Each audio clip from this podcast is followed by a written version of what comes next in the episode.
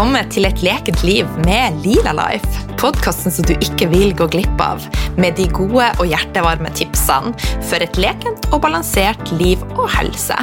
Nye temaer hver uke, og jeg har med meg spennende gjester, og noen ganger så er det kun meg. Og hvem er jeg? Jeg er Line Holdal. Jeg er ernæringsterapeut, yogalærer, veileder i eteriske oljer og mamma. Jeg har en brennende interesse for en naturlig helse, miljø og dyrevelferd. Og jeg er i over gjennomsnittet nysgjerrig, og mitt mål er å dele mest mulig med deg. Jeg har vært alvorlig syk i mange år, eh, men nå er jeg 44, og livet det smiler. Mitt mål er å vise deg at det er mulig å gjøre en stor forskjell med små endringer. Kos deg med podkasten smask ifra meg. Hjertelig velkommen til en ny episode av Et lekent liv med Lila Life. Jeg kan nesten ikke tro det, men vi er faktisk kommet til august.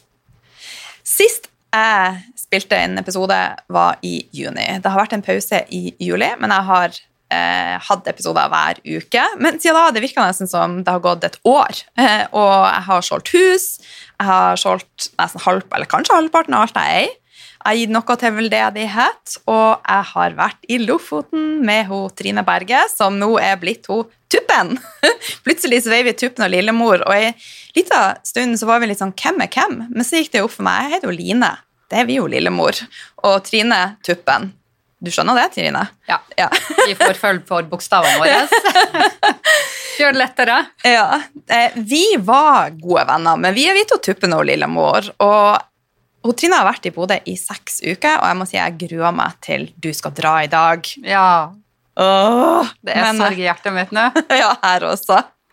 Så jeg unner alle å ha en så god venn der ting føles naturlig, og det bare flyter. Ja, Vi er skikkelig lekevenner. Det er vi. Hjerte- og lekevenner. Nå skal jeg prøve å ikke skrike her. Ja. Men heldige meg og heldige oss.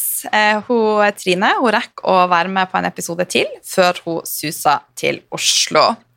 Og for deg som kanskje er ny lytter, kanskje dette er første episoden du hører, så hun kan jo være at du vet hvem Trine er, men hvis du ikke vet det, og Trine er en av Norges fremste livsstilscoacher med fokus på grønn, antiinflamatorisk kosthold og med lang erfaring innen detox, plantebasert mat og yoga. Hun har skrevet flere bøker, og de siste årene har hun også jobba masse on online. Før vi setter i gang, så vil jeg lese opp ei tilbakemelding. Og så vil jeg bare si at jeg setter utrolig stor pris på alle som tar seg tid og legger igjen en eh, tilbakemelding. Det, det varmer. Så overskrift meget bra. Den beste helserelaterte podkasten i Norge til nå. Varierte tema for oss som er spesielt interesserte i ernæring og kosthold, samt mye annet bra for både kvinner og menn. Eh, nøye utvalgte gjester med mye kunnskap, og Line har en veldig god og avslappa intervjuerform. Det blir aldri stivt og etter skjema. Tusen takk for det. Det setter jeg veldig, veldig stor pris på. Så tilbake til dagens episode og dagens gjest og tema. En av de tingene som hun, Trine tilfører meg, er å Altså, jeg elsker jo å være i naturen, og sånn Albert Einstein sier hvis vi ikke forandrer noe, så får vi ikke forandring. Enkelt og greit. Så når jeg fikk ME, så skjønte jeg at jeg måtte gjøre en forandring, og naturen veier en sånn naturlig greie for meg å søke kontakt med. Så fra å henger i naturen, så jeg føler jeg nå at jeg er blitt en del av naturen. Og Trine har hjulpet meg mye der. Og mm. hun har åpna slusene i forhold til det å være nysgjerrig på det som vokser ute, og hvordan vi kan bruke det. Så eh, interessen for blomster og ville vekster har økt. Så det er det, noe av det vi skal prate om i dag, og jeg gleder meg masse, masse. Så eh, hjertelig velkommen, Trine Tuppen Berge. Tusen hjertelig takk, Line lillemor. jeg gleder meg. Men du, jeg vet eh, hvordan du starta dagen din, for at vi har vært lag i uke, og vi er ganske samkjørt. Men ja. fortell til de som hører på, hvordan har du starta dagen din i dag? For det første så må jeg jo si at eh, jeg starta dagen min med takknemlighet, men også litt, litt eh, vondt i hjertet. Og de henger veldig sammen, og det er jo fordi at jeg hadde seks uker her oppe i nord. og hadde altså så utrolig fint. Det er jo her jeg er fra, og det er jo noe med å være til stede i røttene sine og kunne kjenne kulturen rundt deg fra innerst i beinmargen. Så jeg har vært så takknemlig for å ja, både sov godt i natt og skulle her, være her sammen med deg og alt som har skjedd de siste uka, men jeg er også veldig lei meg, og da liker jeg å kjenne litt på det. Hva er det som rører seg inni meg? Så det, før jeg står opp, så er jeg på en måte litt sånn aktiv på å bare kjenne etter hvordan er dagen i dag, hvordan har jeg det inni meg, fordi at når man står opp, så skjer det ene og det andre. Mm. Uh, og så er det jo da som jeg vet at du vet, og som jeg vet at du har også blitt glad i etter vår Lofotturné, og det er jo stangsellerijusen. Jeg har jo snakka mye om den, men det har liksom alltid glidd forbi deg helt til du fikk fikk den servert hver dag i, uh, I Lofoten. Lofoten. Og nå har jeg bestilt meg Rolls-Roycen av sellerijuicepressere. ja. Takket være deg. ja, og hvorfor drikker jeg det? Og det er jo bare for at jeg føler meg så rett og slett ren og pen fra A til Å, liksom. Jeg kjenner liksom at fra jeg får det inn i munnen til det Ja, eh, ikke så veldig lenge etterpå kommer eh, string, string på toalettet. Jeg kaller det jo plumbo. Like artig å se hver gang jeg serverer det her til noen. Det bare å ta tida. Nei da. Men jeg føler meg at jeg våkner opp, så for noen så er det kaffe, og for meg det er stangsellerijus, og det er jo bitterstoffer i uh, i og de syv eh, mineralsaltene som eh, fordøyelsen vår trenger, men jeg kjenner at det, det, er liksom min type kaffe. Det kjennes bare som, så godt ut. Det er som å få solskinn og, og uh, påfyll i systemet når jeg drikker. Mm, og I tillegg så det, har det plum, plumboisk effekt. Ja. Så, eh, men, og det gir seg litt etter hvert. Ja. Men jeg kjenner jo f.eks. i går så hadde jeg jo en liten avskjeds... Og det var jo absolutt ei sunn råfuddkake, men det var også sørlandschips på bordet, som er min synd. Og da er det veldig deilig å bare kjenne dagen etter at 20 minutter, yes! It's out. og by the way, den kaka Trine hadde bakt eh, Jeg har fortsatt vann i munnen, og jeg spiste så jeg holdt på å forgå. Altså, den var så god. Oh, ja, og så hadde vi pynta den med hvert Kanskje alle tre blomstene vi skal prate ja, om i dag. Det, det, ja. det hadde jeg faktisk gjort. Ja. ja. Så jeg spiste både mjødurt, og jeg smakte på rødkløver og geitrams. Og, geitrams. Ja. Så, eh, og mjødurt må jeg si var fantastisk godt. Ja. ja. Det, det, er jeg helt enig med deg i. De liksom, det er jo den som Den har parfymert uh, smak. Mm. Ja. Så, og det, det, er jo liksom det der med å kunne ta med seg naturen inn på, på bordet, syns jeg jo er veldig, veldig fint. Og så er det jo helt gratis. Det er jo ja. Altså, jeg tenkte hvor heldige vi er. Ja. Og de urtene vi skal prate om i dag, er jo noe som vokser over hele Norge og i overflot. Ja. ja så virkelig helt gratis. Du må ikke langt for å finne de. Ja. Og vi er ikke for seint ute med å skaffe oss de noen, nei. Nei, altså, det kan vi jo snakke om når vi går inn på det enkelte, men det er klart at sånn som eh, rødkløveren er noe og du, du, ikke sant, Vi er jo langt oppe i nord nå, mm. så her har jo vi litt seinere enn de som er på Sørlandet, men det er mm. klart at drar du litt opp i fjellene, så får du Og det er jo ofte de nye skuddene, mm. ikke på mjødurten, men på geitrams og Spesielt på geitrams så er det jo egentlig skuddene som er mest medisinsk, da, men sånn ja. som i går, når du har det på kaka Eh, men jeg ser jo bare nå i naturen at her oppe i nord så begynner jo geitramsen å, å falle litt av. Ja. Uh, men jeg er helt sikker på at man finner noen ennå.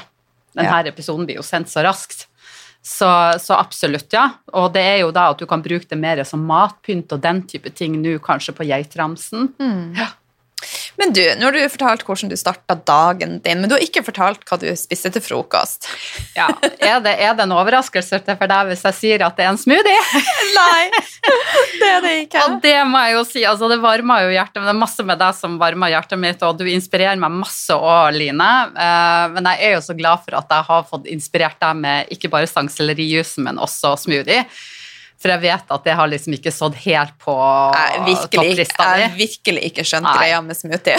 Nei, Men nå har du skjønt den. Ja, nå er det sånn når jeg allerede når jeg har spist opp smoothien min om morgenen, så Ja. tenker jeg, Ja, så tenker jeg Hvorfor er det ikke beste. ja, sånn her, er nedtelling, jeg vil ha mer! Ja. Uh, og sånn er det for meg òg. Jeg er jo egentlig ikke en person som liker å stå opp. Jeg har jo litt lakenskrekk og liker ikke å stå og, og når, Men når jeg først treffer lakenet holdt på å si senga, så vil jeg bare være der, så jeg vil jo egentlig ikke stå opp.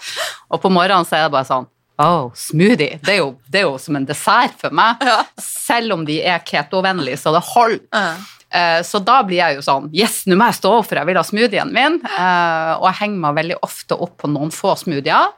Eh, Og hun mamma av alle ting er utrolig glad i den jeg da har spist mest av her oppe, fordi at det er den hun vil ha. Og det er en spirulina min kakaosmoothie. Mm. Den oppskrifta ligger ute på bloggen min. På trineberget.no. Ja, og der skal jeg også legge ut råfoodkaka, så hvis det er noen som har lyst til å se på den kaka vi spiste i går, eller ikke minst lage den og smake den, så, så skal jeg få lagt ut den i løpet av ja, før Jeg får sendinga. Sjuk i magen og bare si 'prepare for a eh, enorm nytelse'. Ja. Nei, men takk for den også. Det var veldig, det veldig, jeg syns jo det er så artig å lage mat når jeg ikke er stressa og har tid å kunne lage til eh, de jeg er glad i. Det, det er jeg sikker på at mange som har matglede, deler den Ja.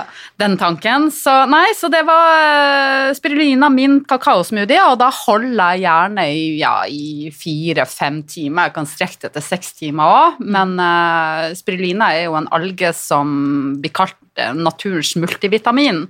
Har så mye vitaminer og mineraler. Den har også mye um, gode, fine fettsyrer som omega-3. Mm. Eh, og så er det jo at den stabiliserer veldig blodsukkeret og kroppskjemien vår. Så jeg merker at når jeg har en smoothie med den, så varer jeg i hvert fall en time, halvannen lenger enn om jeg har en smoothie uten. Ok, så den, For din del så holder den lenger Den enn gullsmoothie? Men jeg, vil jo, jeg vet jo at du har jo forelska deg i uh, min gullsmoothie, Ja. uh, gullmelksmoothien min, og den ligger jo på bloggen din òg, Ja. så de kan sjekke. Uh, men det som går igjen på alle mine smoothier, er jo at du holder deg lenge mett, og det tror jeg du kan skrive under på.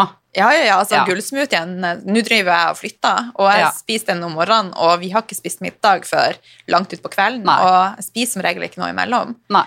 Kanskje en lite mellomsnacks, men Ja, det holder i det holder blodsukkeret litt. Men det som er mitt tips, det er jo å ikke ha frukt i, ikke sant? Heller ha i så fall bær. Men Du har jo frukt. Avokado er en frukt.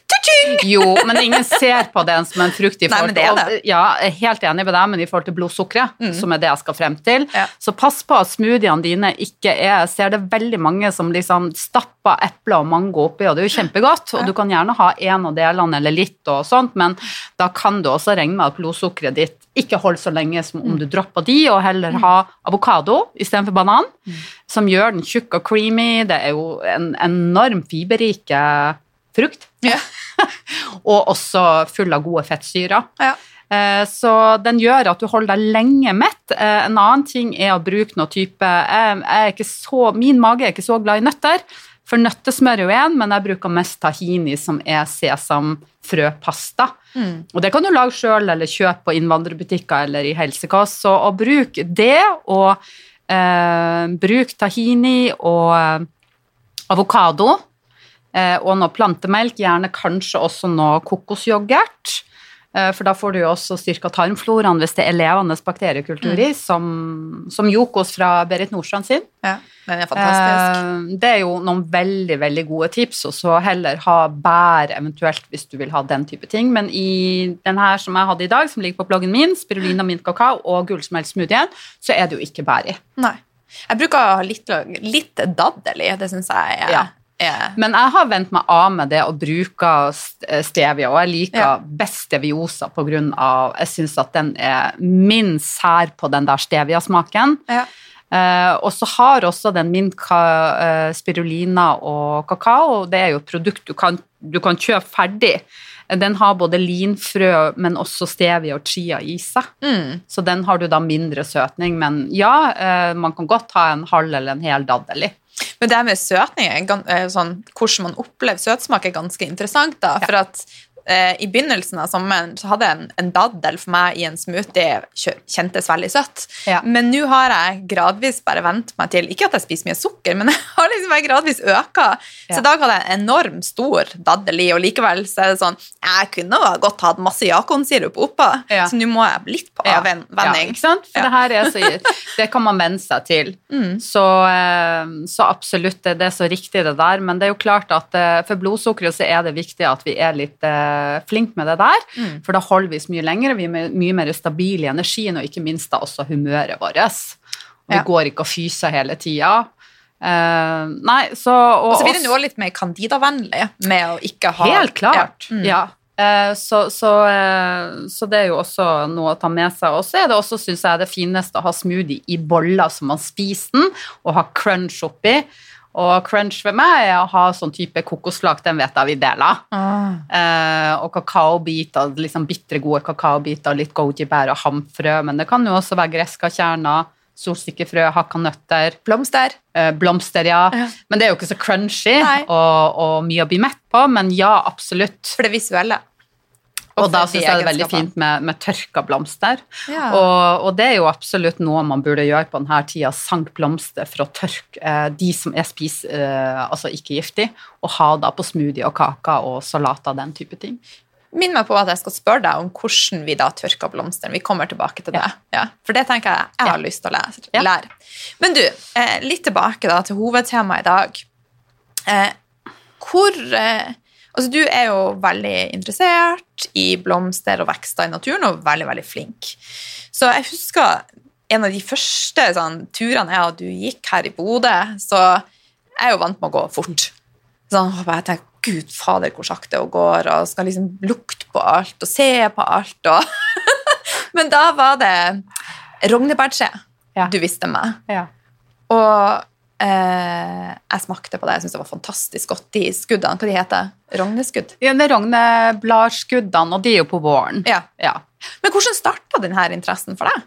Det var egentlig det som var Nei, mitt. når du sier det der at eh, du ble litt utålmodig, for jeg skal liksom lukte og se og smake på alt og være, men, men jeg er jo Og det, den har nok du òg, men jeg er veldig Espen Askeladd-essens. Mm. Og Espen Askeladd er jo ute og finner gull der andre ikke har tid til å se, ikke Ja. sant? Eh, og vil dele det med verden.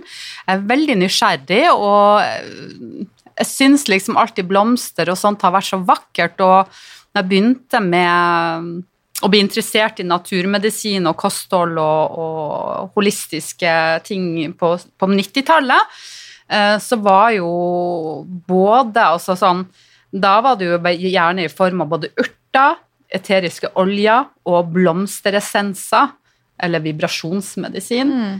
Um, så hadde jeg en venn som tok meg med på, på noen turer og viste meg faktisk rødkløver. Det var en av de første jeg lærte om Ja. på 90-tallet, men jeg var ikke så mye, jeg var mer byjente da.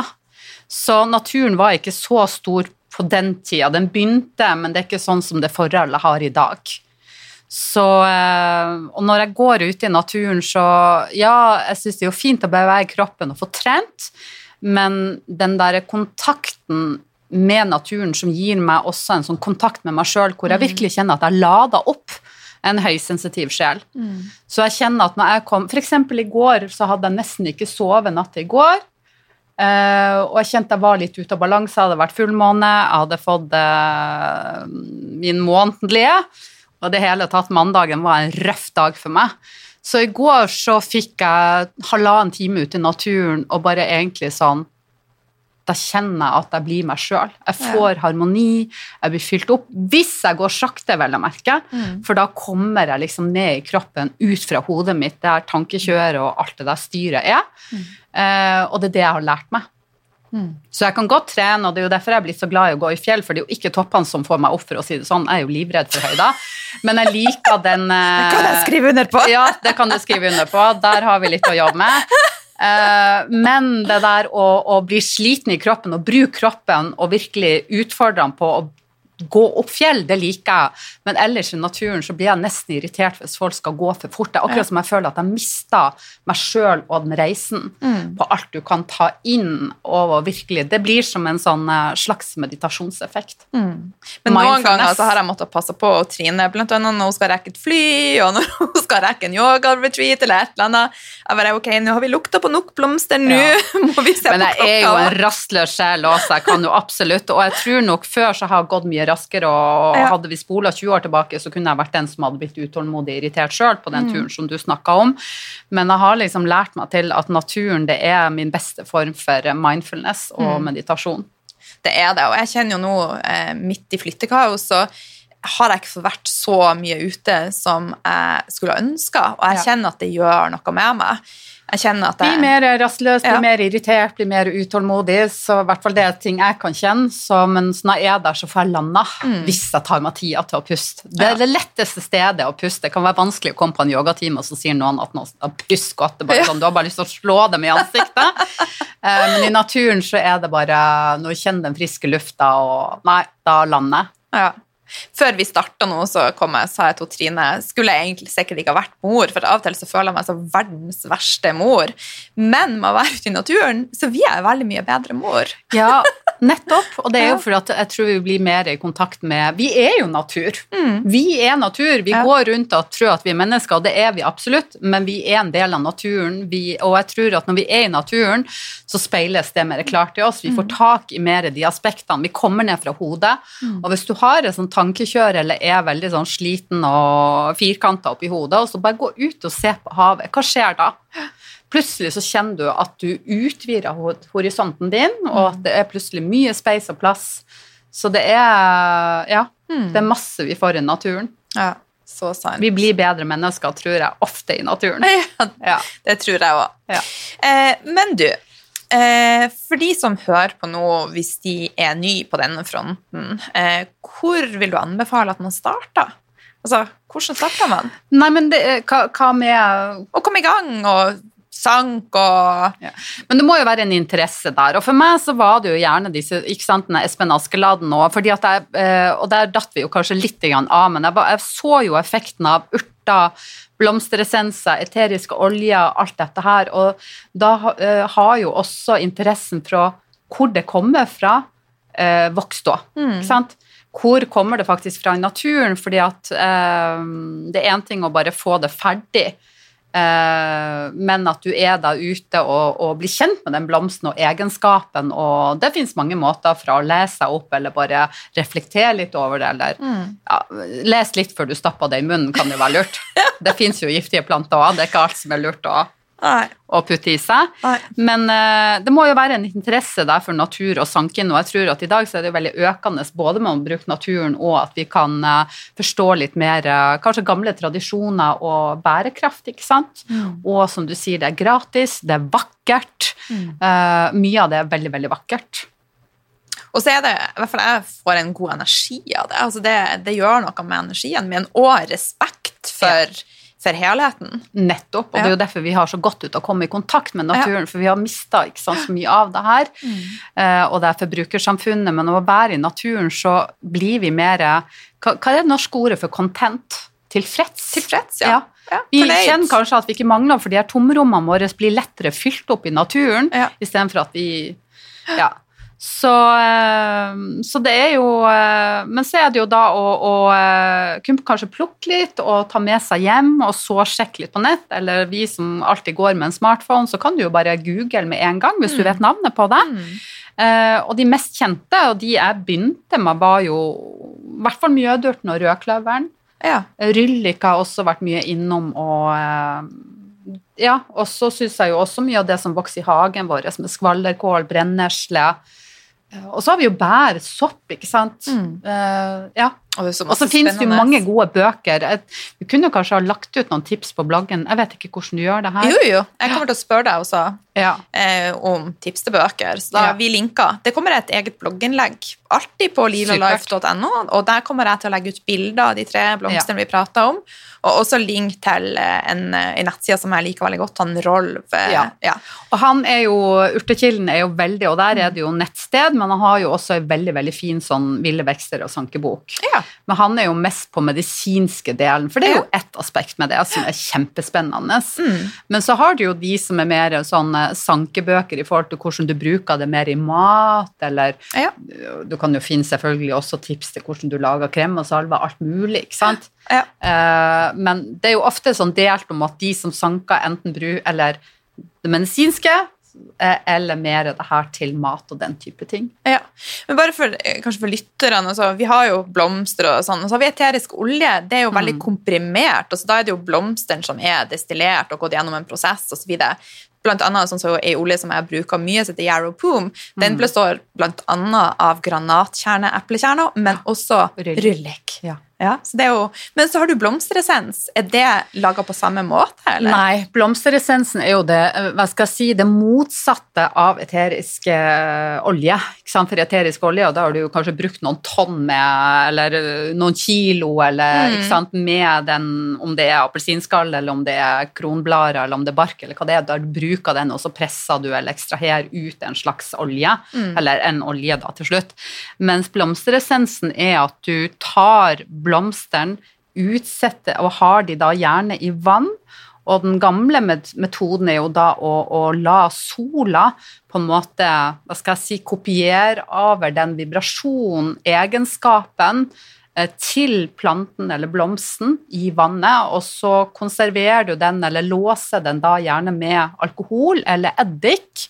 Eh, som gjør da, så Det er jo en veldig veldig sånn eterisk form for mer som en type homopatisk, enda svakere enn homopatisk, men ja. der du bare jobber med den vibrasjonelle eh, egenskapen. Alt har en, sies man jo da har eh, ikke sant, Var det ikke Einstein som sa at alt er energi? Ja.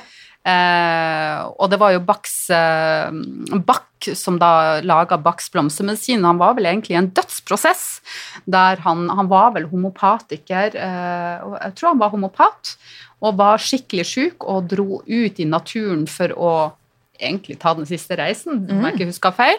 Men da eh, var mye ute i naturen, og gjennom å nærmest meditere og være da med planter, så oppdaga han da de egenskapene og da det her er ikke han som fant opp, han snubla vel egentlig over en gammel tradisjon der igjen, fordi at i gamle, gamle dager så gikk de og sanka med sånn sølv eh, sigd eller en liten sånn redskap, eh, vanndråpene fra eh, blomsteren på morgenen, eh, blomsterduggen, eh, og de, det skulle da ha en healende effekt, så naturmedisinerne som veldig langt tilbake gjorde det. Eh, men så satte han det mer i system og gjorde denne metoden da med blomster i vann og sollys.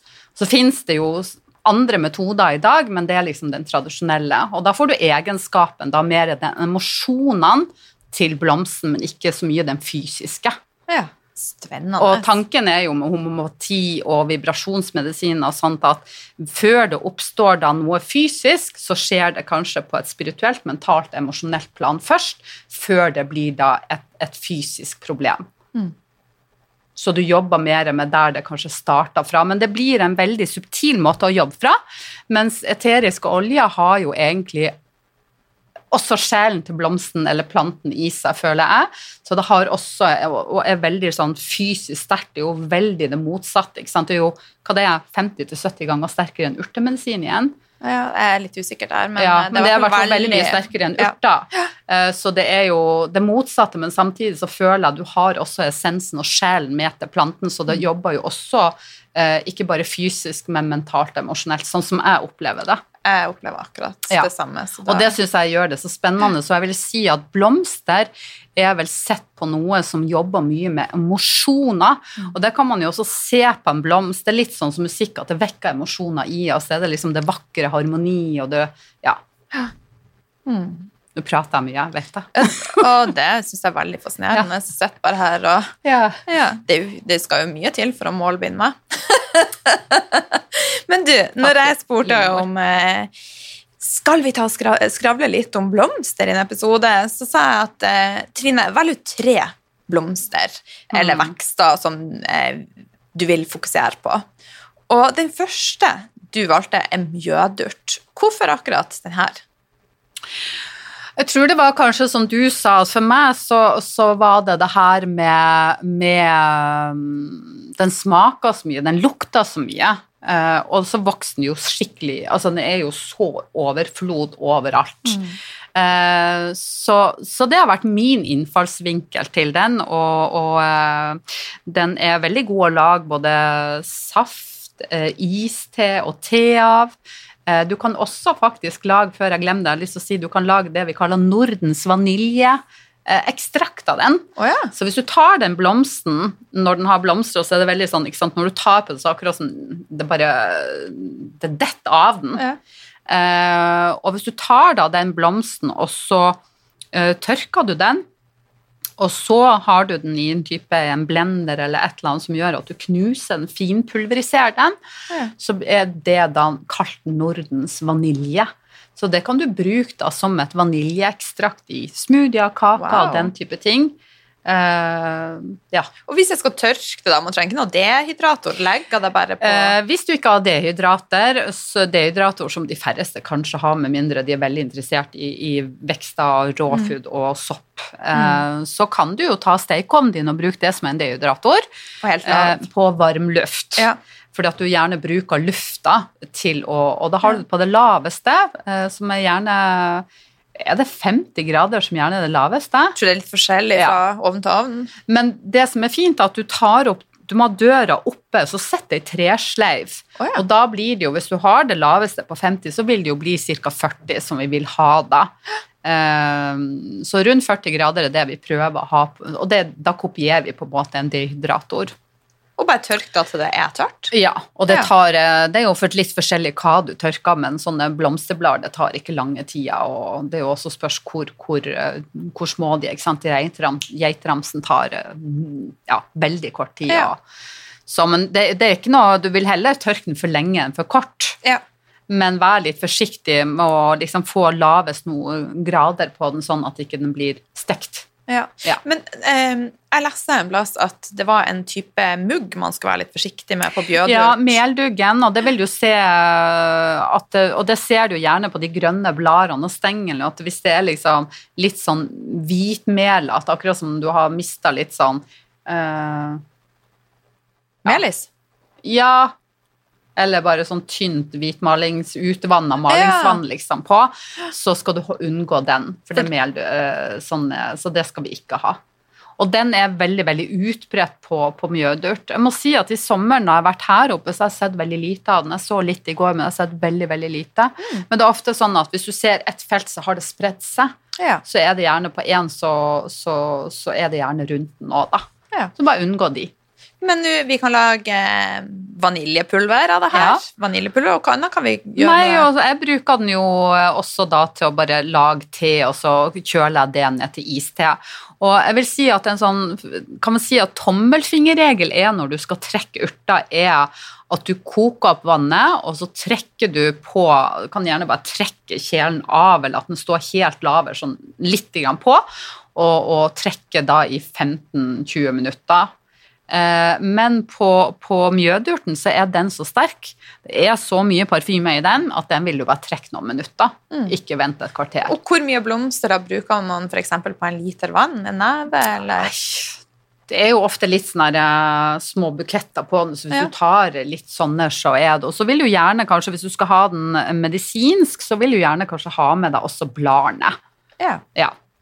Eh, Så på mjødurten, og på mjødurten så eh, etter det kan, altså Jeg er egentlig en novise på dette feltet. Jeg føler at uansett hva man snakker om, så er det så uendelig mye mer.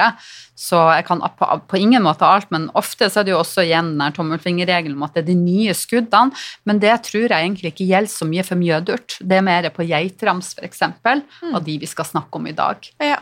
Men også hvis du går i hagen din, skal sank skvalderkål, brennesle, som du kan ha i salat eller trekk til eller ha i smoothie, så er det de nye skuddene vi vil ha. ja. Og sent på sommeren så kan du bare klippe ned så vokser det opp, og da får du nye skudd. Å, spennende. Og fantastisk. Ja. Men eh, alle blomster, ikke, jeg kan ikke si at alle, men jeg vil tro at veldig mange i hvert fall har jo noen egenskaper og virkninger hvis man bruker det. Kan du si noe enkelt om mjødurt? Altså? Ja, og det er jo, jeg har jo, eh, og derfor ikke jeg har brukt den så mye medisinsk, er for at jeg, jeg er en type som ikke sliter med hodepine, og, og har, altså for det, det den ofte blir brukt for, er jo at den, den var liksom opprinnelsen til aspirin, for den har den her salicylsyra, Mm. eh, salicylsyra, som, som er opprinnelsen til acetylsalicsyra. Um, håper jeg sa det riktig, jeg er dårlig på sånne kjemiske navn, så unnskyld meg, alle sammen. Jeg håper dere skjønte hva jeg mente. Jeg er akkurat like Ja. Og jeg begynte å ha sagt feil, så sier jeg i hvert fall Jeg tror jeg sa salisalsyre her eh, lenge, også i venninne som er sykepleier. Det der var ikke riktig! Takk for den, sa jeg bare. Uh, men, men uh, Så det var jo utgangspunktet. ikke sant? Mye av medisinen vi har, er jo etterligning av stoffer som er funnet i naturen. Eh, Men når de kopierte den syntetisk, så, så fikk det jo folk veldig problemer med spesielt magesmerter og den type ting. Og så utvikla de da acetylsalicylsyra, tror jeg er riktig, eh, som skulle være bedre, men eh, de sies å ha enda mindre bivirkninger med da mjødurten, da. mm. Så den inneholder da det, og uten å få de negative virkningene. Så tradisjonelt så brukte de det veldig til de fikk da Selvfølgelig fikk markedsført aspirin veldig, da. Eh, Og, og da er det jo det man bruker aspirin for, kan man tenke at man bruker da mjødurten for. Mm. Og da selvfølgelig kan det jo, fordi at nå finner vi jo den fersk, men man sier jo også medisinsk sett sånn generelt om, om urtemedisin at det er egentlig de tørka som blir blitt brukt mest eh, til medisinsk bruk. At merkelig nok så trenger du mindre av den når den er tørka enn når den er fersk. Så hvis jeg da tørker mjødurt For at eh, en av de tingene jeg sliter med når jeg blir stressa, sånn, er jo hodepine. Ja. Det skal ikke jeg legge skjul på.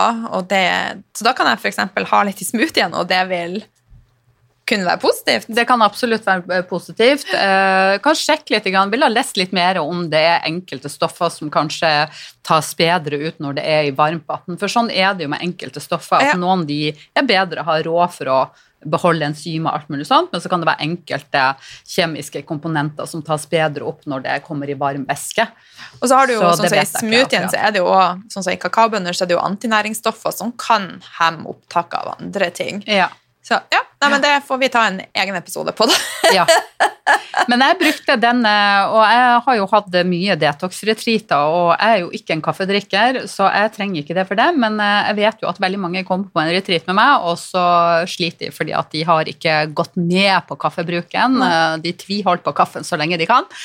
Og så får de kanskje hodepine. Og da, det var sånn det egentlig begynte, at jeg begynte å bruke den en del. At de første dagene, hvis jeg hadde det på retreater der det, det var til stede, så gikk jeg og plukka i naturen og så serverte te de første dagene, gjerne med den type te for å hjelpe dem litt der. Å, spennende. Ja, Og da er det ofte en sånn to-tre kopper i løpet av en dag og sånt. Det er jo ikke sikkert om du har kjempehodepine at, at du liksom tar deg én kopp og så er alt borte, men jeg vil absolutt ha forsøkt. Man må prøve seg frem. Det er ingen garantier for noen ting, men det er jo litt artig å, å se om man finner naturlige og bedre alternativer. Absolutt. Du er litt av avsporing i forhold til kaffe, for jeg har pensa over til koffeinfri kaffe.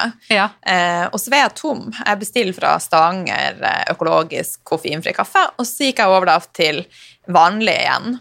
Ja. Og eh, fikk masse angst. Og nå har jeg fått koffeinfri kaffe igjen. Jeg har ikke angst. Nei. Så det kom jeg bare på akkurat nå når du prata om det. Men det der ser jeg også når Ja. folk er på detox med meg, og spesielt jeg har jo sånn online detox-kurs der de er kanskje med i 10, eller, 10 dager eller 21 dager, og de sier det veldig mange at de blir sjokkert når de begynner opp med kaffe, hvor fort eh, de kjenner uro, og Ja. uh, noen selvfølgelig også angst, men også påvirker på søvn, ting de ikke har tenkt på i hverdagen, at det var det, liksom Ja. eh, så er du en person som plages av uro og, og den type ting, så vil jeg absolutt ha sett på inntak av kaffe. Mm.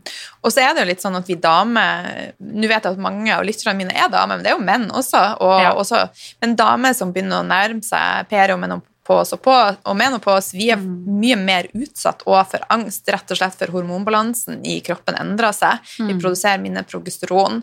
Så, eh, så det er virkelig noe å tenke på. Ha mjødørt tilgjengelig, og redusere på koffein. Ja. Og, og ofte så er jo urter kan være bakteriehemmende, det kan være fint for eh, betennelsestilstander i kroppen, det vet jo du fra eteriske oljer. Ikke sant? Det er jo de samme urtene og sånn, så det er jo ting som går veldig igjen da, og jeg tror tradisjonelt sett, hvis jeg ikke sier noe veldig dumt nå, at den også har vært brukt i forhold til giktplager og den type ting. Ja. eh, revmatiske plager og sånn, fordi at det er smerte og, og demper revmatisme og plager og den type ting.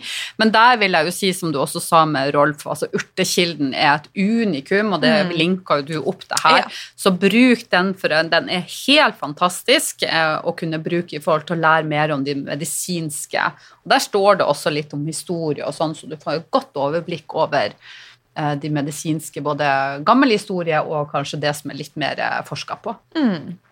Men du, da hopper vi over til rødkløver. Fortell Ja. litt.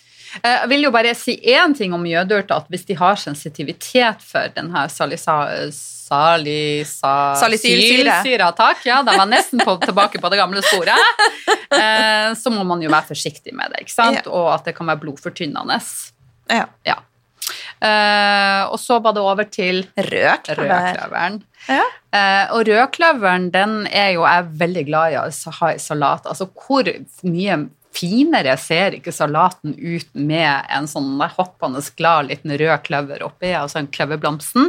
Ja, den ser Eh, fresh ut, altså. Jeg hadde den jo på kaka i går, for jeg syntes den var så fin, men som jeg sa til de som var der, at den kanskje hoppet over og spiser, for jeg syns den passer bedre, den smaken i en salat, Ja. enn på ei kake. Ja. Eh, men den er absolutt god, men, men har mer den her grønne. ikke sant? Du legger jo ikke et salatblad på kaka di, egentlig. men du kan spise hele rødkløveren, altså både holdt på å si bladene og, og, eh, og blomsten.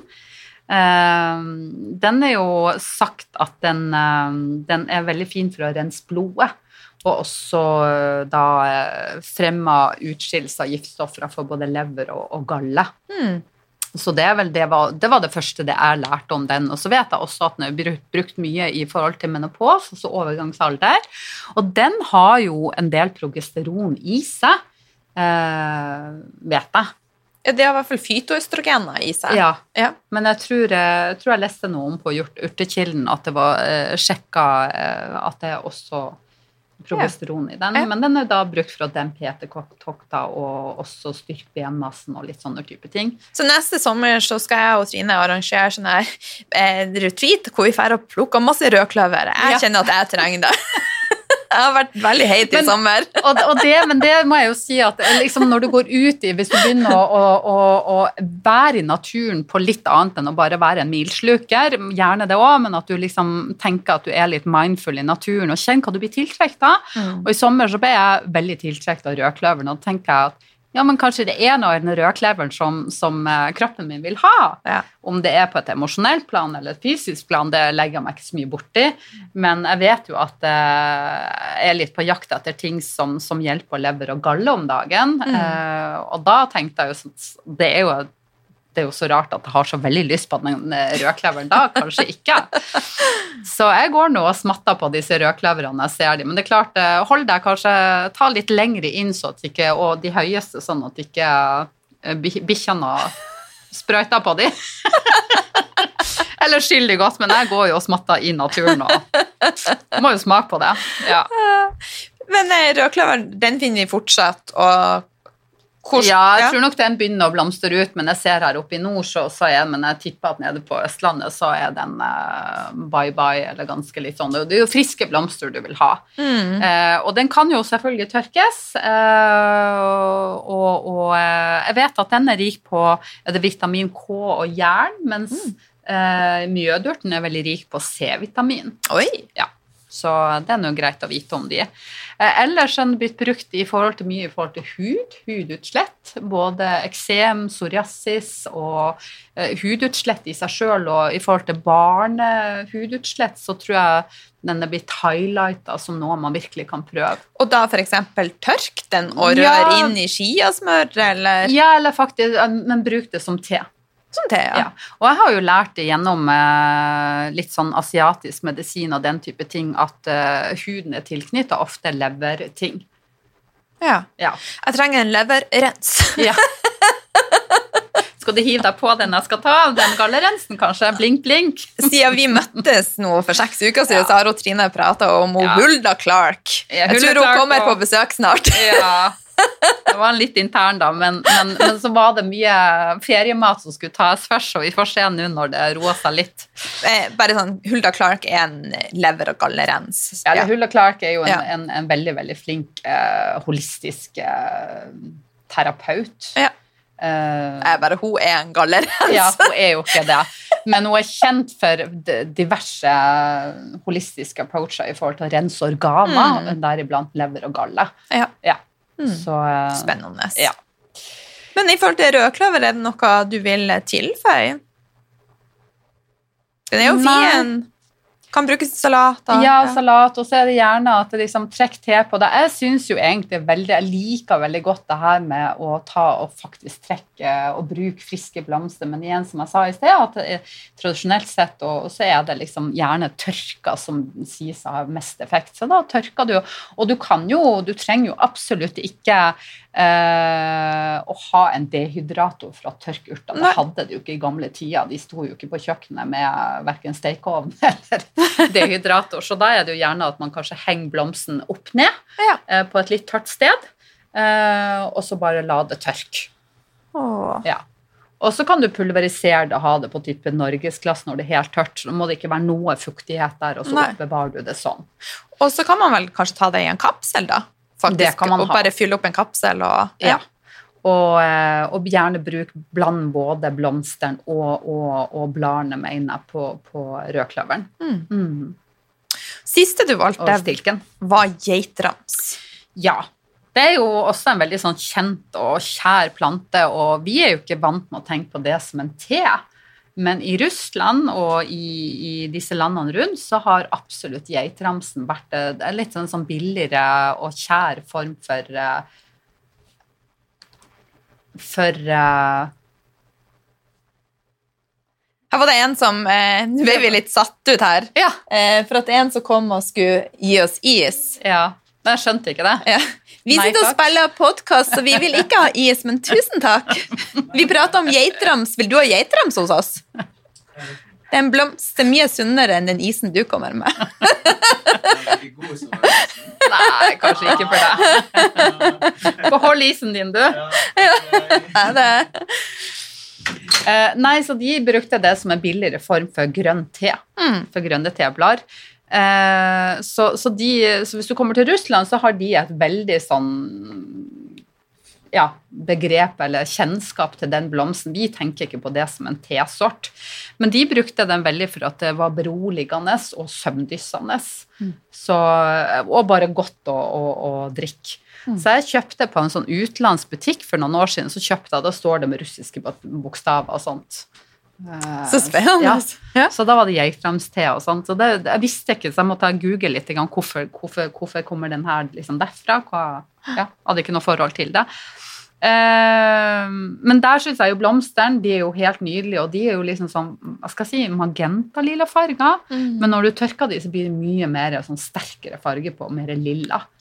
Eh, så de syns jeg er jo helt fantastisk. Og du kan jo ha de som hele blomsten, eller du kan også pulverisere de, og så kommer det sånn lilla eh, sprinkle. Og det kan man jo ha strø over smoothie og Yes. pannekaker. Ja. og Og hvor deilig er det ikke i november å sitte og bli muntra opp av litt sånne uh, hyggelige plantefarger? Ja, takk. Ja.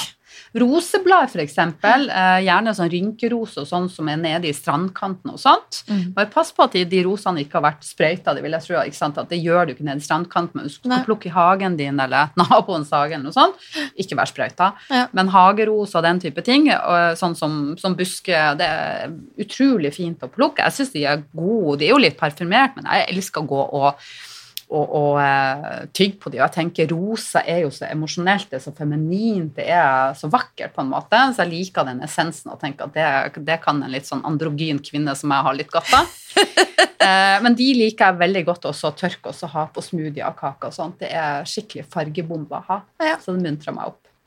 Men eh, hva er de positive effektene med, med geiteramsen søvndysene, så har du sagt? Ja, uh, men altså når du leser i medisin om det, så er det liksom ikke beroligende søvndysene som dukker mest opp, men Nei. det er det det er blitt brukt veldig tradisjonelt for. Ja. Uh, ellers så vil jeg jo fremtrekke kanskje noe som, som Uh, kanskje kan hjelpe veldig mange i dag, er jo det her med enzymeffekten. At det har mye enzymer i seg som, som er bra for, for magen og, og uh, uh, bukspyttkjertelen. Eh, og det som kan være interessant, fordi at hvis du har sånn kostholdsendringer, så er det jo mange som sliter med magen fordi at den skjønner ingenting. Nå fikk jeg noe ny mat. Det vet jo jeg veldig godt om som har folk på detox-retreater, sånn så plutselig skal de gå over til planteføde. Eh, og da er det en plante du kan bruke. Uh, for å hjelpe deg i en sånn overgang, eller hvis det er bare akkurat den dagen skal du ha noe som du vet at du ikke har ofte i maten din, og som du kan få en reaksjon på. Ikke hvis du har en intoleranse allergi, selvfølgelig, men at det kan uh, være litt ukjent for magen din. Så bakterieflora, f.eks. feriemage, mm. så kan geitrams absolutt være noe. Mm. Og da er det først og fremst bladene vi bruker. Okay. Uh, blomstene mer for å kanskje krydre de, liksom få litt søtere smak på. Ja. Uh, og den medisinske effekten er jo at du plukker før blomsten kommer. En annen type ting som jeg syns er veldig spennende med, med geitrams, er jo også at hvis du tar den og er helt sånn nytt skudd, er jo at du kan bruke den som uh, Nordens asparges, asperges, eller en sånn asparges. Okay. Den er ikke like god som en asparges og, og uh, vil ikke ha dampa den, men man kan stekke den i noe sånn type smør og den type ting. Ganske hard stekt faktisk, så, så, er det en sånn uh, type asparges. Altså stengelen, da? Ja, men det gjør du ikke. Du går ikke og plukker den nå når den er full, det gjør du når den er helt sånn liten stengel, så plukker du den. Uh, så, så, den kan du bruke da som i maten på den type ting. Du kan ha den rå òg, men da vil jeg ha den i veldig små biter. Men det er ikke da Ja. Men det blir brukt til det som en slags asparges. Huh. Og så er det da bladene som kommer litt seinere, som du da bruker Og det er gjerne de nye bladene, det er de mest næringsrike, en sånn tommelfingerregel når det gjelder urtemedisin og, og, og, den type ting. At det er de nye skuddene som er mest næringsrike, og de er ofte mindre bitter på smak. Men jeg ser at det er mange som også tar hele blomsten og så bruker den nå òg, men det kan hende at den har litt mer bitterhet i seg enn de nye skuddene. Mm. Oh, det her er jo så spennende. Mm. I forhold til geitram, så er det noe du vil supplere? Noe ja, den er også brukt i forhold til betennelser i fordøyelsen. Det er jo veldig mange som sliter med. Ja. Eh, og så i forhold til uh, candida så er det jo mange som sliter med det, og da er det formeringa av candida, ikke selve å stoppe veksten av de candidasporene, men, men formeringa som ses ut å stoppe. Og jeg tror det var en finsk lege som, som var veldig opptatt av og brukte det mye, og hun anbefalte da å ha eh, daglig to-tre kopper te i to måneder i forhold til mm. det, da, for at den ikke skulle formere seg. Så da gjør du kanskje andre tiltak for å på en måte balansere økobalansen i tarmen, som er utgangspunktet til at du har en økt vekst av candidasoppen, mm. men at den ikke blomstrer og florerer og formerer seg så mye. Ja. Så det er et par ting som, som kan være fint om den òg. Så når vi prater om eh, mjødurt, rødkløver og geitram, sånn at det er jo tre ting man kan starte med å utforske. og eh, Uten at vi skal gå inn på det, hva er dine andre favoritter? Nevn to til. To til. Uh Nei, altså jeg må jo sa, Det har jo egentlig nevnt både rose og, og, og ryllik, men jeg syns jo også vi skal jo ikke glemme blåbæra. Herregud, Nei. den er jo også medisinsk. Så det holder. Ville blåbær, ikke den der eh, store hagebæra som du kjøper i butikker, Nei. men å gå og sanke det, og, og eh, Så det er jeg jo veldig glad i. eh, det er jo det som er det artige, å se hva er det som blomstrer, eller hva det er du kan sanke inn der og da, der du er. Det er jo det som er liksom egentlig det artigste Ja. i forhold til årstid og hvor du bor hen. Mm. Eh, Gullris er noe som eh, Norge er rik på, eh, som er bra for å rense nyrene dine. Men det man skal være klar over når man bruker urter medisinsk, så er det også at man skal ha litt varsomhet og ikke gå for lenge på de heller, er litt sånn tommelfingerregler. Men å ha f.eks. blomster i, i urter eller på, på smoothie og alt mulig sånt, det er ganske så ufarlig og fint. Må bare sjekke at det ikke er giftig. Ja, det er kjempeviktig. Ja. Så derfor skal jeg legge med bilder nå på det vi har prata om, sånn at det ikke er, er mulig å, eh, å ta feil. Men Ja, og de her vi har pratet om, er jo så, så lett å, å kjenne igjen, og jeg tror de fleste, i hvert fall med rødkløver, det kjenner jo, det kjenner jo folk virkelig. Hmm. Men det som er kjempeviktig for meg å presisere, er at uh, vi er her for å inspirere og motivere, men du er sjøl ansvarlig for det du plukker, så jeg vil ikke Ja. ha en mail om at du har plukka og spist noe feil. Du må ta ansvar, du må være en aktiv vent. Ja, men det, tror jeg jo også det vi må også, også, også prøve å være litt nysgjerrig og prøve litt ut, men også da litt forsiktig, ha litt kunnskap og også bruke litt intuisjon, ikke sant? Mm. Som jeg sa, at nå var det rødkløver som snakka til meg denne sommeren. Ja. Eh, men også bare kunne lese om de medisinske. Det er jo, medisinske ting er jo ofte ganske innfløkt. Det kan henge så mange ting inn i det, men å bare prøve seg litt frem, og Ja. kanskje det virker, kanskje det ikke virker. Eh, men kjenn litt etter hvis du har litt sånn intuisjon på det, og stol på at det kan kanskje være en ting for deg nå. Mm. Åh, Uansett så er det deilig å være i naturen og være der. ja, absolutt. Men du, eh, vi har nevnt eh, han eh, Rolv på Urtekilden, Mm. eh, og du nevnte boka hans også. Mm. Eh, hva den boka heter? Husker du det? Nei, det husker jeg ikke. Nei, vi skal finne det frem. Men har du noen andre bøker eller nettsider som du vil anbefale? Ja, det er et par jeg ikke husker, men eh, jeg vet jo at det er ei som har kjennskap til, som heter Ellen Beate Vollen. Ellen Beate Vollen. Hun har skrevet jeg tror det er to bøker om eh, sanking av ville vekster og gratis mat og sånt. Det var hun som eh, eh, Hun har lært det her med disse rognbladene Ja. som smaker. Og vi må jo si, vi sa jo egentlig ikke hva rognbladene smakte. Nei? Og det er jo når du tar de nyeste skuddene og så bare tygger det godt i bunnen, hva skjer da, Line? De smaker mandel og Ja. vanilj, litt vanilje. Litt sånn mandelessens. Ja. Eh, så kan, Kjempegodt. eh, det, jeg tror det er en sånn kjent i forhold til å lage sånn litt sånn type panna cotta med den der som Ja, det lagde jeg, og Ja. det var helt nydelig. Du har vel kanskje sikkert i oppskrift på bloggen nå? Jeg har ikke kommet så langt. Nei. Men nå er det jo litt for sent, så jeg tror at eh, det blir neste år. Men hun, eh, hun har ei sånn bok som er Jeg tror hun har to bøker med, med ville vekster og sanking i naturen som er veldig sånn her eh, I forhold til mat og den type ting. Og så har du jo da Rolf Urtekilden som er veldig i forhold til det medisinske. Så de to er veldig fine. Og så er det et par jeg ikke kommer til i parter som jeg kan sende deg link på, som jeg tror du kan legge ut på bloggen. Ja. Du, Jeg hadde jo flere ting jeg hadde lyst til å skravle med deg om, men jeg tenker at vi faktisk eh, tar det i en egen episode. For vi er jo Tuppen og Lillemor. Tuppen og Lillemor strikes again snart. Ja, det, vi har et eh, veldig viktig tema å prate om. Er du enig om at vi tar det i neste Ja, jeg tror også at den kanskje fortjener en egen episode òg. Ja, Uten at vi skal røpe noe mer, Nei. men jeg vet at veldig mange kommer til å like det veldig godt. Så eh, fremover så skal jeg også ha med ei som heter Marie Kristin Fagerli, eh, som er eh, veldig, veldig flink på det med urter og blomster og inspirerer meg mye. Så det kommer de en av de nærmeste ukene. Så det, så det er alltid noe å lære på et lekent liv eh, med Lila Life.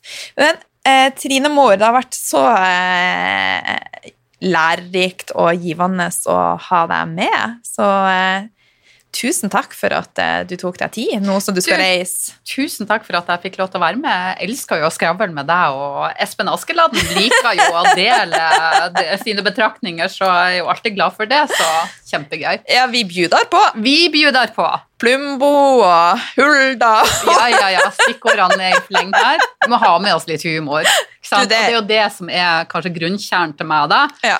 Lila Life, Et lekent liv, og Espen Askeland, det må jo bli en eh, gode, to gode turvenner. Ok, tusen takk for at eh, du hørte på. Vi høres snart.